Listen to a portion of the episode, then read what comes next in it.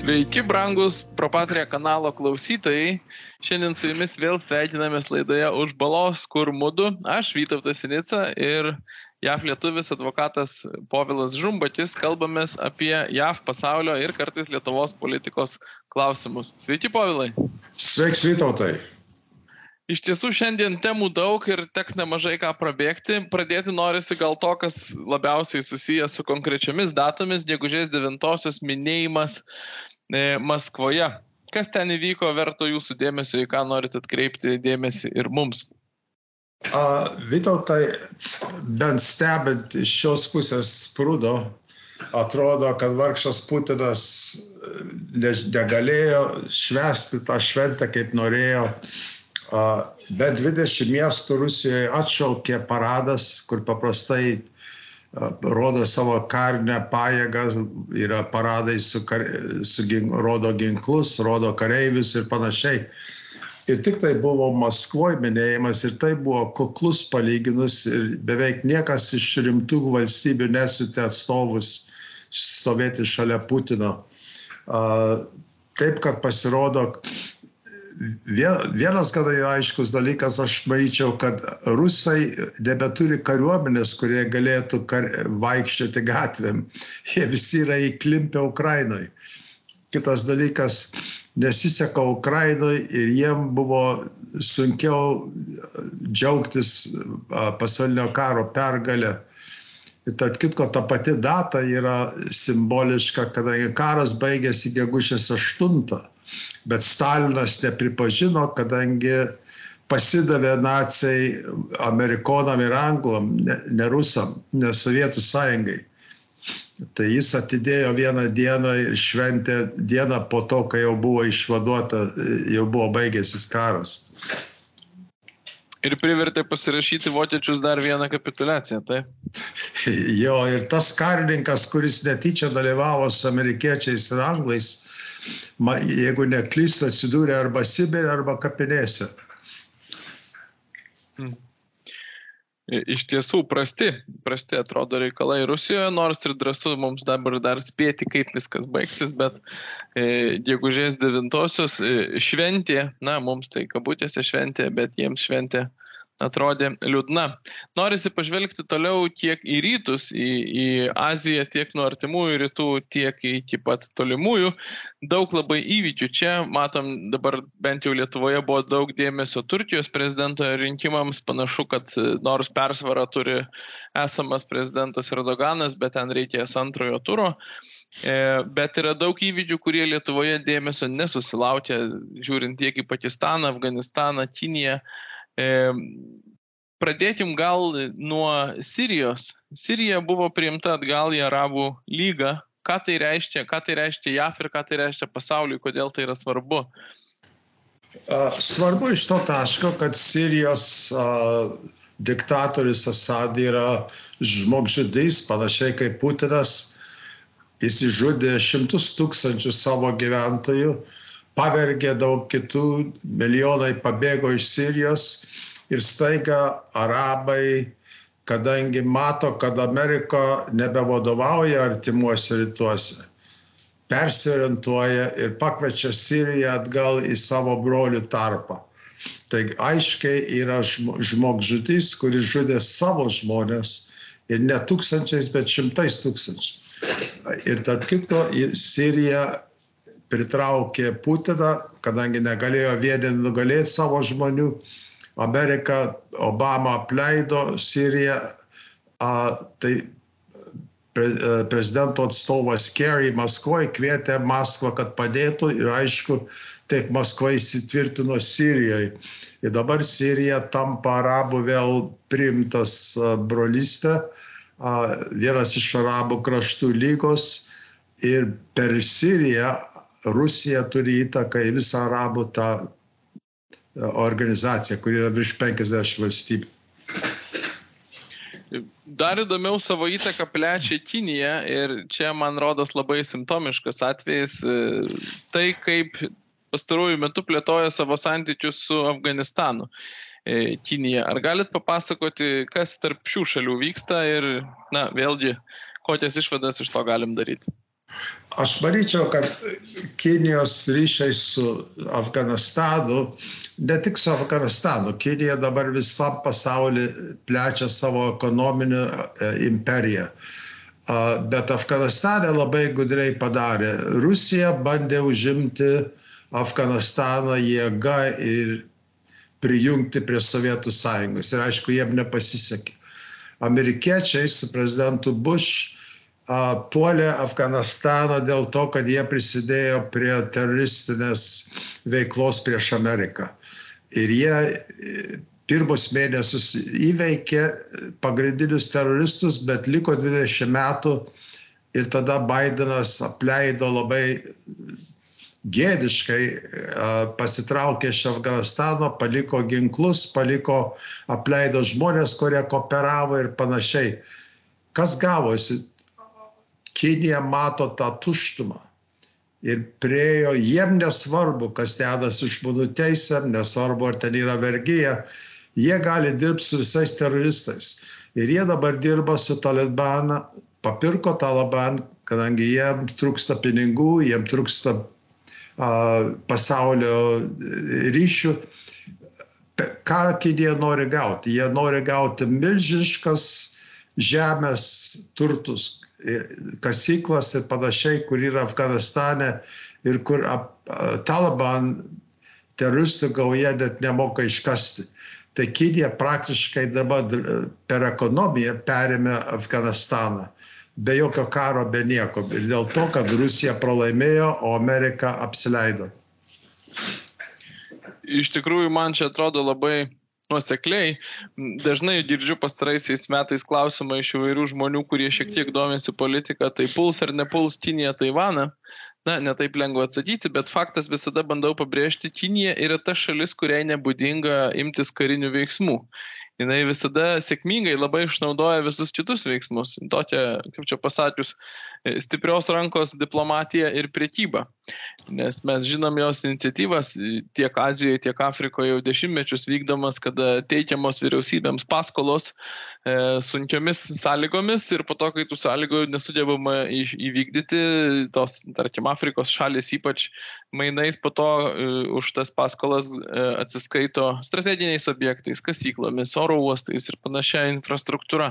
Žinia, ir keletą uostų Europoje kinai yra nupirkę, kol Europa po truputį susiprato, kad čia yra rizikų ir pavojaus. Tai aš niekam nedrįstu sakyti, kad Kinija tikrai nepuls Taivano, ta rizika yra didelė, bet tai nėra Kinijos veikimo būdas pradėti karą. Kinijos veikimo būdas yra va, būtent toks, kokį dabar matom jūsų ką tik papasakota Afganistane. Žinoma, jie tą patį daro Pietų Amerikoje, ir labai aktyviai bando infiltruoti pačią Ameriką.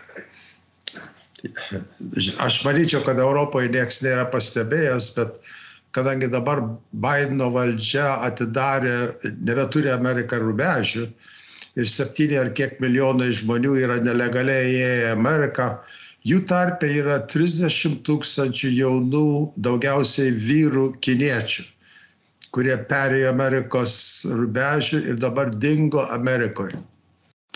Šalia to jie be abejo yra, turi milžinišką įtaką į keliasdešimt pagrindinių Amerikos universitetų. Vienu žodžiu, apie Kinija. tą turėtume kada nors pakalbėti. Taip, Kinija įdomus dalykai iš tikrųjų, grįšim prie jų, bet šiandien gal ne. Šiandien norisi pakalbėti apie kitą JAF vidaus politikos, bet vėlgi mus turbūt visus paliesinti klausimą. Įvyko, pavadinkime, rezonansinis interviu, CNN paėmė interviu iš um, Donaldo Trumpo buvusio prezidento ir tai buvo savaime didelis įvykis, nes berots ar ne nuo 16 metų tikrai nuo senai ši televizija su Trumpu tiesiogiai nebendravo ir tokių interviu nerengė ir susilaukė labai daug atgarsių. Lietuvoje tie atgarsiai buvo labai neigiami, juose kritikuotas pats Trumpas dėl savo įvairių pasisakymų, bet mums reiktų gal padalinti šitą temą į dvi dalis apie tai, kaip mes vertinam pačius Trumpo pasisakymus ir tada kaip vertinam pačios žiniasklaidos reakcijas į tai. Nuo ko verčiau pradėti? Nuo Trumpo? Ar kažkas jūs nustebino jo, jo kalboje, jo pozicijose, kurias jis užėmė? Ne, nenustebino. Jis Jis buvo kaip tikras Trumpas, jis elgėsi taip, kaip jis visada elgėsi. Šį kartą labai ramiai e, dalyvavo. Pirmiausia, kad suprastų visuomenė, kuri gal nematė ir negirdėjo apie tą. CNN yra viena iš trijų Amerikos e, kanalų, kur, kur, reiškia, kur yra per internetą ir per cable. CNN yra mažiausia, toli gražu mažiausia ir, ir mažiausiai patikima. Po to yra NBC skyrius ir tada yra Fox.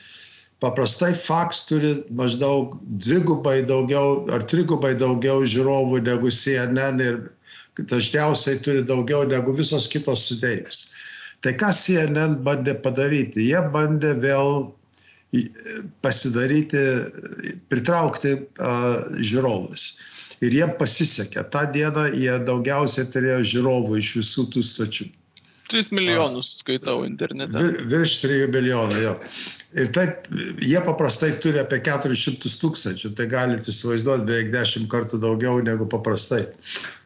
Bet jie ėmė, riziką. Ką jie padarė? Jie pakvietė maždaug 400 žmonių Vermont valstijoje, kurie pasisakė, kad jie balsuos per Respublikonų atrinkimo e, rinkimus. Primaries. Kurie, primaries. Tai nesakė, kad jie bus už Trump, kadangi yra 3-4 kandidatai, bet tik pasisakė, kad jie balsuos.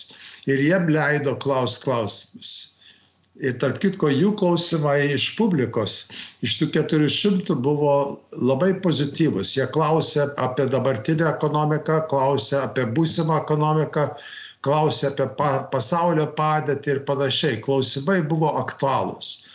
Bet programą pavedė uh, CNN uh, vadovė, ta kabutėse žurnalistė, kuri klausė savo klausimus. Jos klausimai visi lietė uh, kontroversijas, asmeniškumus ir panašiai. Ir ji paklausdavo klausimą ir neleisdavo Trump atsakyti. Kai Trump bandydavo atsakyti, ji visą laiką kalbėdavo tuo pačiu laiku ir sakydavo, tu meluoji, tu teisingai sakai, tu tą darai. Ir Trump ją praktiškai nekreipė dėmesį. Ir, ir su laiku matėsi, kad visa ta publika palaikė Trump, o ne CNN žurnalistę ir pagal visus apskaičiavimus, įvertinimus ir panašiai, Trump labai pozityviai pasireiškė tą dieną ir buvo aiškiai laimėtojas. Užtat buvo milžiniška reakcija iš kairiųjų ir kitų žurnalistų, kurie puolė CNN dėl to, kad įsileido iš viso Trump kalbėti. Aš kažkaip nesugebėjau iš pradžių rasti internete tiesiogiai pačios CNN platformoje to viso interviu įrašo, bet galiausiai užėjau kokį tai Respublikoną YouTube platformoje kuriantį savo laidas, kuris retransliavo su komentarais tą interviu. Tokiu būdu jį pasižiūrėjau, nu tai taip matėsi, matėsi tos visos publikos palaikymas, kaip mėgavosi, mėgavosi Trumpo, Trumpo stiliumi. Ir, ir, ir jo atsakymais. E, reikia pripažinti, Trumpas neatsakinėja į klausimus taip, jie suformuluoti, jis atsakinėja į klausimus taip, kaip jis nori. Žurnalistė tai veda iš proto. Nebejotinai... Reikia atsiminti, buvo dviejų rūšių klausimai. Buvo klausimai iš publikos.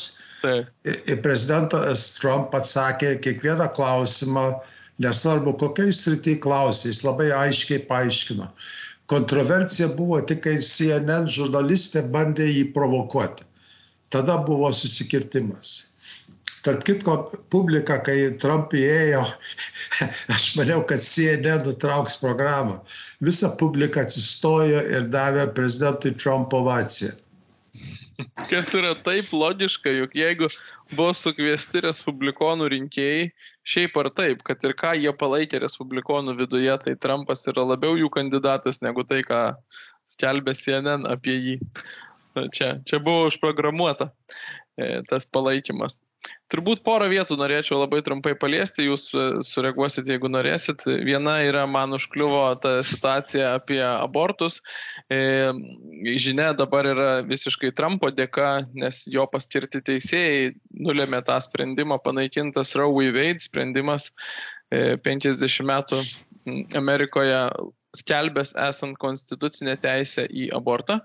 Dabar tai gali spręsti pačios valstijos, ar leisti, kokiamis sąlygomis leisti. E, žurnalistė labai užsispyrusiai klausinėjo jo, ar jis pasirašytų, jeigu Senatas priimtų abortų draudimą visų JAV mastu. Jis kategoriškai atsisakė tai atsakyti, jis kartojo ką? Kartojo, kad jo nuopelnas, kad dabar apskritai galima tai spręsti išrinktiem atstovams ir kartojo, kad dabar pagaliau bus galima ieškoti kažkokių kompromisų ir labiau visus tenkinančių sprendimų, nes anksčiau jokių svertų šitais klausimais abortus riboti norinti visuomenės dalis, o JAV visuomenė šituo klausimu, pataisykit mane, jeigu klystu, pasidalinusi per pusę, e, ta priešiškai nusteikusi dalis visiškai neturėjo galimybių, na, kaip nors paveikti ir kažkokio kompromiso reikalauti. Tai dabar tų galimybių kompromisams yra ir ką Trumpas, nors tiesiogiai neatsakinėdamas taip, kaip jį formulavo klausimą, bet labai aiškiai sakė, kad svarbiausia yra tai, kad dabar bus galima ieškoti kažkokio vidurio kelio.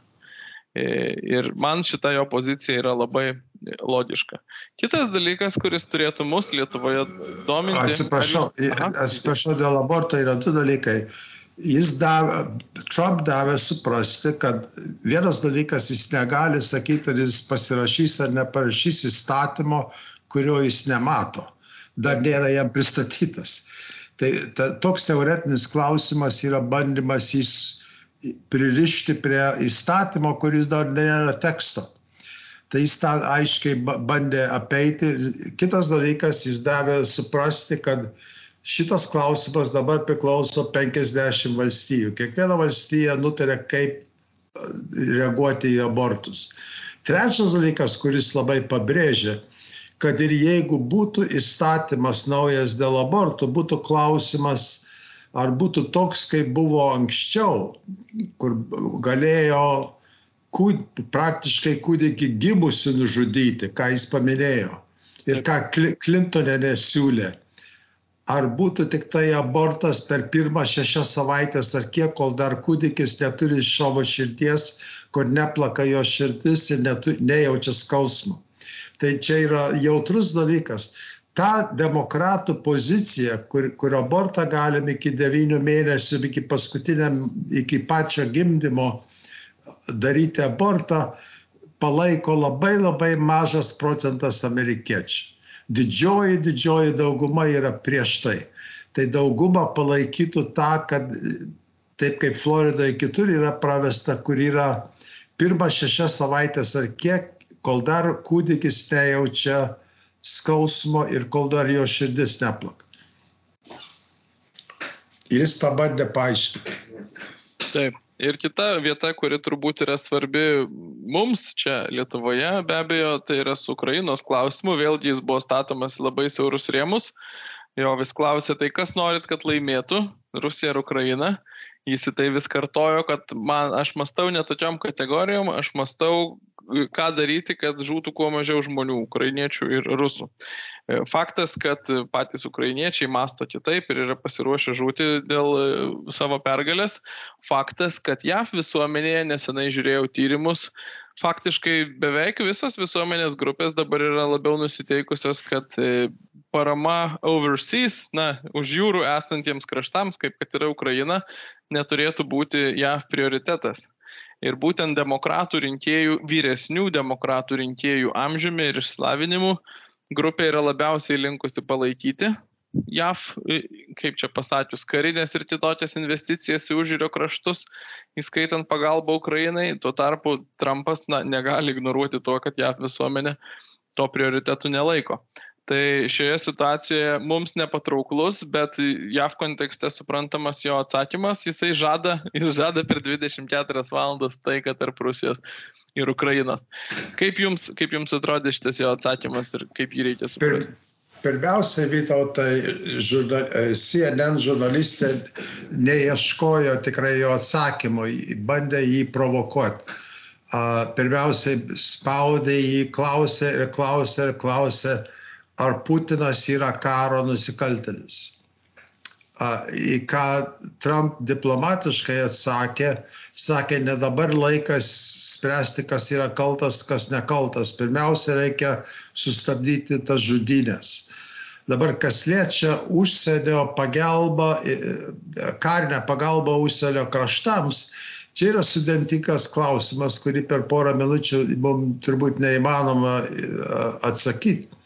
Bet ir daugumas amerikiečių, kurie remia Trump ir daug respublikonų, pritarė tą, ką tikėjo prezidentas Reagan. Būtent, kad jeigu Amerika būtų stipri ekonominiai, diplomatiniai ir kariniai ginkluoti, ginklų atžvilgių, jeigu Amerika būtų stipri, kiti kraštai nesukeltų karų, ne, neeitų prieš Amerikos interesus.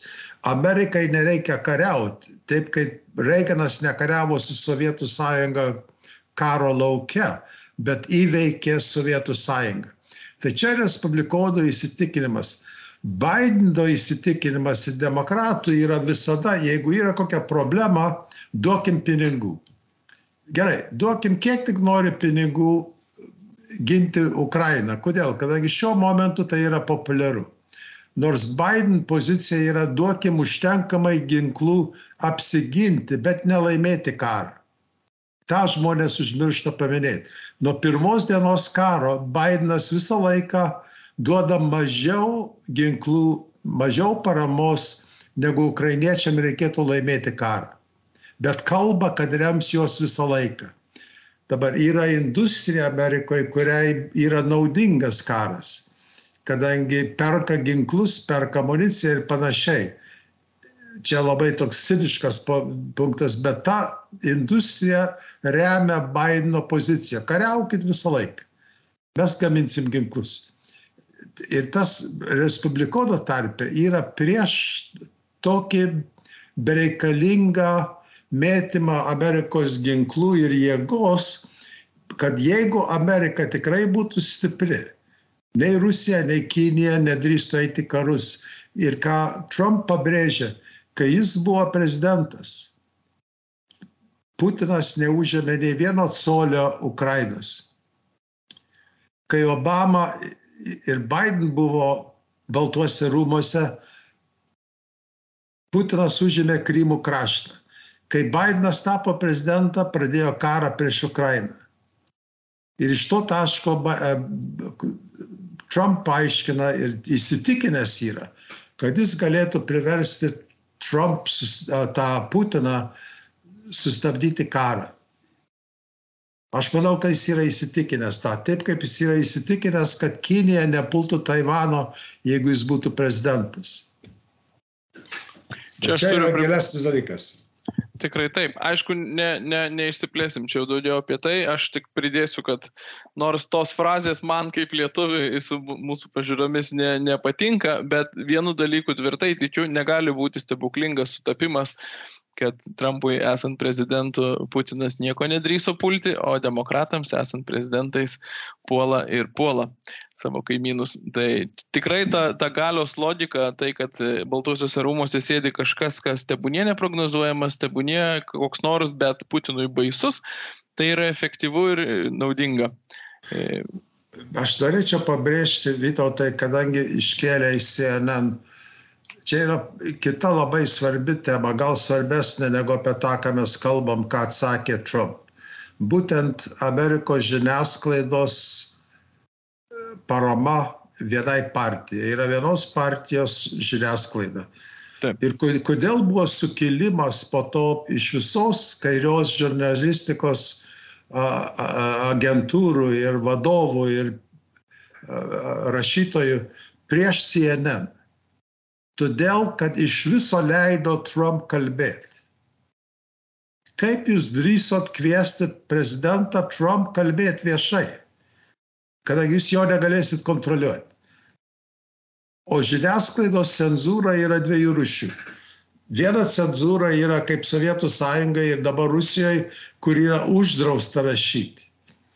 Kita cenzūra yra, kad kaip, laisvo, kaip Amerikoje, daleiskim, nekviesti žmonės, kurie nesutinka su propagandos arba tos žiniasklaidos opinija. Tai yra du būdai. Ir Lietuvoje.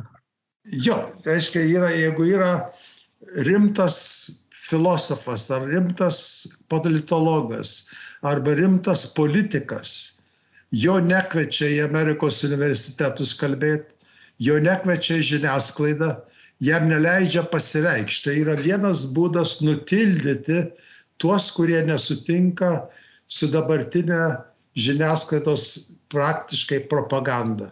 O dabar žiniasklaida aiškiai yra vienos partijos, žiniasklaida, demokratų partija praktiškai yra ta pati organizacija. Žiniasklaida dengia Baidą. Ir kai duot pavyzdį, pats paminėjai Economist, šios savaitės Economist, kai populiariausia Economist žurnalo dalis yra savaitės aprašymas ką jie turi parašę, ką jie rašo šią savaitę. Kad Trump buvo nubaustas, nu, pralaimėjo bylą New York'e, kuri praktiškai yra labai nereikšminga, apie tą galėtumėm kalbėti. Ir kad kitą respublikoną pat, kongreso atstovą patraukė į teismą. Nei vieno žodžio apie faktą, kad dabar yra iš, iškilusi daug informacijos, liudininkų, kaip Biden šeima naudojo viceprezidento poziciją ir dabar prezidentūrą rinkti pinigus iš Kinijos, Rumunijos, Ukrainos ir Rusijos, kas yra pirmą kartą istorijai pradeda įrodyti, pasirodyti įrodymai, kad dabartinis prezidentas yra papirktas. Šičia yra didžiausia drama ir svarbiausias klausimas šiandien Amerikoje, bet Ikanomis net nepaminėjo tų tyrimų. Ir parodo, kaip žiniasklaida, ar tai būtų CNN, ar tai būtų Ikanomis ir žinoma kita Europos žiniasklaida, kur seka tos pavyzdžius, nebeni pagrindinių faktų, kadangi jiem yra nepatogu. Jie remia Biden, jie remia tą sistemą ir jie nenori tų dalykų minėti. Tai yra kita būdų, kitas būdas propagandai. Iš tikrųjų, tas šališkumas Lietuvoje kartais nustebina, nes Lietuvoje visos tos pastangos filtruoti, kas gali atsidurti žiniasklaidos, didžiosios žiniasklaidos eteryje, yra šiaip ar taip subtilios. Niekada viešai tu neišgirsi, kad yra žmonės, kurių negalima kviesti pažiūros, kurių negalima įgarsinti, tu tą tik gali matyti, skaičiuodamas tiek, kokių pažiūrų leidžia pasirodyti eterėje. JAV tuo tarpu aš matau, kad tai yra visiškai atvira, tas cenzuravimas ideologinis yra atviras. Štai skaičiau šiandien antraštę tokią. CNBC toks kanalas, turbūt mažiau Lietuvoje žinomas, e, rašo, cituoju, CNN vis dar nežino, kaip tvarkytis su Trumpu. How to handle Donald Trump ką, ką tai reiškia? Tai aišku, reiškia tą patį, ką jūs ir sakot, ir, ir, ir, ir po to jie įrašo atvirų tekstų tai, kad, na, nu, kaip, kaip, kaip reikia elgtis, kad jisai neleistų, kad jis jam nesudaryti galimybių, šnekėti, ko jis nori ir pūsti savo ten e, propagandos, kaip jie laiko. E, faktiškai labai atviras aiškinimas. Viena žiniasklaida moko kitą žiniasklaidą, kaip vis dėlto nebūti iš tikrųjų tikra žiniasklaida. CNBC yra viena iš tų trijų konkurenčių toj pačioj srity, kur yra CNN, CNBC ir Fox. Tai mhm. yra viena iš trijų konkurentų. Ir ką jie sako CNN, tai kaip pats sakai, Trump galima tik tai šmeišti. Galima tik rašyti ar kalbėti apie jį blog, jis, kaip jis yra blogas. Jokių būdų neleisti jam pasiaiškinti. Ir staiga CNN padarė klaidą, kadangi jiem taip reikėjo žiūrovų, kad jie ėmė šansą, jie riziką ir sutiko pristatyti gyvą Trump, kurio negalėjo nutildyti. Ir dabar visi pyksta ant jų, kad jie davė jam tokią progą. Įsivaizduokit, kitas, kita problema jų yra. Kaip gali išstatyti Trump, kuris dabar toli gražu yra populiariausias respublikonų atstovas, kandidatas į prezidentus ir veda, pagal apklausinėjimus veda Biden 6 ar 9 taškais procentais. Dabar įsivaizduokit, jeigu būtų logiškai pristatyta žiniasklaida, būtų objektyvi, sakytų gerai, mes davom davėm progą Trump pakalbėti, kviečiam Biden valandą. Tegul Biden atsistoja ir kalbasi su žmonėm. Tikrai taip. O Biden negali išleisti sklepo, negali iš jo, jis turi savo kambarį sėdėti, mėgamajam. Jis negali tris minutės kalbėti, kaip Trump kalba valandą. Tai dabar dar, jam yra dar pikčiau, sakytų, va, mes galim pristatyti savo kandidatą ir mūsų kandidatas pasirodys, kai yra geresnis negu jų kandidatas. Bet jie to negali daryti, kadangi jų kandidatas negali iš viso kalbėti. Aš šitoj vietoj norėčiau gal dar tik pabrėžti, nes ne visada viskas būna teisingai suprantama. Šita mūsų pokalbio dalis nėra skirta apginti Trumpą ir pasakyti, koks jis buvo teisus ar geras. Trumpas čia yra pavyzdys, kuris akis badančiai rodo ir leidžia aptarti, rodant konkrečius faktus, kaip vis dėlto žiniasklaidoje, kokiais metodais yra formuojami, na, formuojama visuomenės nuomonė ir yra formuojama, kas gali būti kalbama, o kas ne kas gali kalbėti, o kas ne. Lietuvoje tokių pavyzdžių, kada ne koks nors e, Facebook'o komentatorius, o įtakingi leidiniai atvirai sakytų, kad tas ar anas politikas neturi teisės būti eteryje, nepamatysite. O štai JAV tokį pavyzdį turime ir apie jį kalbame. E, aš bent manau, kad mums ir ateičiai ta tema turėtų būti labai svarbi, nes po truputį aktualėja Lietuvoje, o JAV gyvenimas pastarojo dešimtmečio yra tiesiog ištisas lobynas pavyzdžių, kaip įvairiais pjūviais reiškiasi, reiškiasi ta ideologinė cenzūra. Jo, aš manau, Vytautai, mes te kalbam, nei puolam, nei ginam Trump šiuo atveju.